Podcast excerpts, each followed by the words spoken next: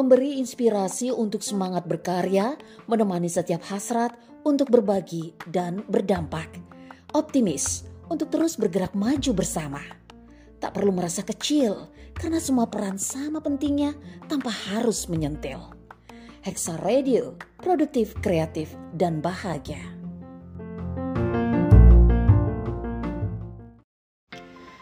Menghadirkan hal-hal yang menarik dan juga penting untukmu saling berbagi untuk kebaikan dan kemajuan bersama. Menghadirkan info, tips, dan juga trik darimu, untukmu, untuk kita semua. It's all about you, it's all about passion. Nantikan Hexa Update hanya di Hexa Radio.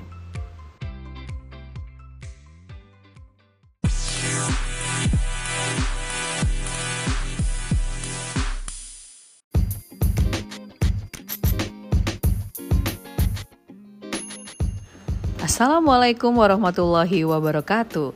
Hai halo sahabat Hexa, selamat datang di Hexa Update, sebuah program yang menghadirkan banyak sekali info singkat, tips, dan trik yang menarik. So, stay tune hanya di Hexa Radio.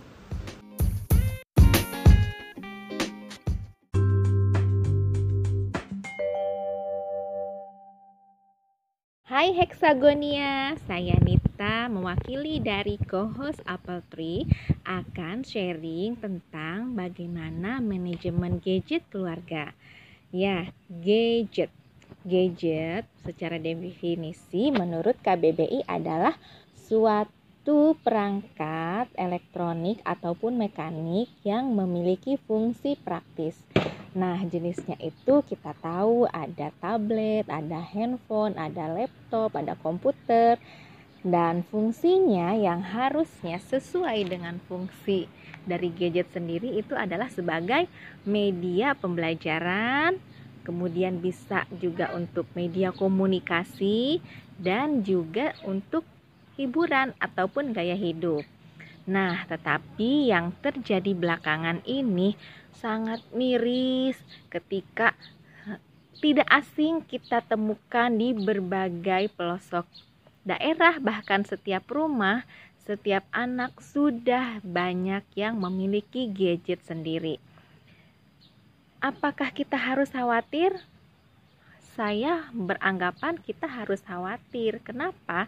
Karena selain dari fungsi yang tadi dari fungsi sebagai media komunikasi, sebagai media pengembangan pembelajaran, tetapi ada kalanya hal yang paling ditakutkan dari dampak terburuk sebuah gadget adalah saya garis bawahi ada dua. Yang pertama adalah kecanduan game. Yang kedua adalah pornografi.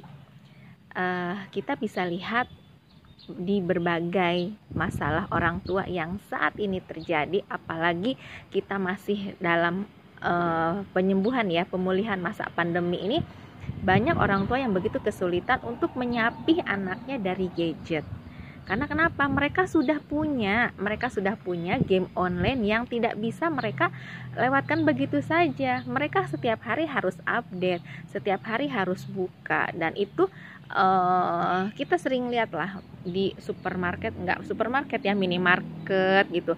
Anak-anak sekolah itu ke sana bukan untuk membeli kebutuhan tapi mereka mau apa? Mereka mau top up. Apakah itu top up? Generasi kita kalah sama mereka ya itu dari kecanduan game. Sehingga jangankan games uh, untuk menonton untuk menonton televisi saja kita batasi. Banyak sekali dampak negatif dari mm, layarnya warna yang kita dapat dari sebuah gadget. Uh, kita tahu handphone itu memiliki uh, banyak ribuan warna sehingga uh, ada daya tarik magnet yang sangat kuat ketika kita tidak bisa lepas. Kita selalu ingin kepo dengan kehidupan orang. Eh kita ke mana-mana. Apa yang kita cari niatnya mencari tentang materi ini ternyata kebablasan scrolling stalking sosial media yang ah oh my god ini wasting time banget gitu kan. Nah itu uh, dari anaknya dari anaknya. Jadi harusnya seperti apa? Karena kita tahu ada kita harus tegas kita punya acuan bahwa untuk memiliki gadget itu usia berapa jadi game kita harus kita harus uh, jelaskan kepada anak-anak bahwa handphone itu bukan mainan, oke? Okay? Sehingga pemakaiannya pun harus sama sesuai dengan SIM, sama dengan mobil memiliki surat izin mengemudi. Seperti apa? Uh, jadi bisa anak memiliki handphone ketika anak itu sudah berani safar sendiri tanpa pendamping Kebayang anak kita SD kelas 1 disuruh safar sendiri ke Bandung naik mobil umum. Apakah kita rela? Tentu tidak. Nah, sama halnya dengan pemakaian gadget. Anak bisa berselancar dengan dikasih kuota, ada wifi bebas di rumah sehingga orang tua bisa mengerjakan hal lain dan membiarkan anaknya untuk melepas uh, dengan gadgetnya. Kita tidak tahu ada apa saja yang mereka buka di sana. Yang dikhawatirkan kan tadi ke arah pornografi. Karena kasusnya yang terjadi pun jangan anggap sepele ketika anak sudah terpapar pornografi. Nonton bareng-bareng dengan teman dan mereka menganggap hal yang tabu itu menjadi tidak asing sehingga uh, hilangnya ke penilaian yang objektif ya. Jadi karena dopaminnya itu mereka merasa ada ketagihan yang tidak bisa ditinggalkan gitu. Terus mengulang penasaran gambarnya satu sudah sudah dilihat penasaran dengan gambar yang lainnya akan terus seperti itu Nah, jadi sebaiknya gadget uh, kita gunakan secara bijak untuk orang tua. Kita gunakan aplikasi khusus penghitung uh, pemakaian kita untuk gadget untuk mengontrol apakah kita berlebihan ataukah kita uh, memakai secukupnya sehingga uh, terukur. Dan kemudian untuk anak-anak sebaiknya tidak diberikan gadget untuk kepemilikan Bagaimana jika dengan uh, ada kelas daring online harus ada handphone?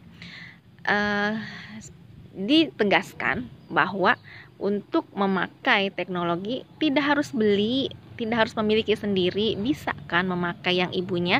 Sedangkan masa pakai dengan masa e, pemberian, masa pinjam itu kan akan berbeda. Ketika dia hanya meminjam, kita bisa ambil apa yang milik kita. Tetapi ketika kita sudah memberikan, kita akan susah dan akan terjadi drama setiap hari untuk mengambil gadget dari tangannya. Belum kalau ada yang satu, an, dua anak, tiga anak, empat anak dalam satu hari itu rebutan seputar gadget. Pusing kan? Oke, sehingga anak itu harus 17 tahun untuk kepemilikan handphone pribadi. Jadi say no, biarkan anak menangis. Anak tidak akan mati ketika tidak dikasih handphone. Uh, masa tantrum akan mungkin terjadi dalam beberapa hari, tapi ya itu masa sakit sama dengan masa sembuh. Sudah berapa lama kita memberikan handphone untuk anak kita sehingga itulah waktu yang kita butuhkan untuk memulihkan dia seperti sedia kala. Oke, terima kasih demikian sharing saya semoga bermanfaat. Assalamualaikum. Demikianlah sahabat Hexa, persembahan dari Co-Housing Apple Tree. Sampai jumpa minggu depan ya. Wassalamualaikum warahmatullahi wabarakatuh.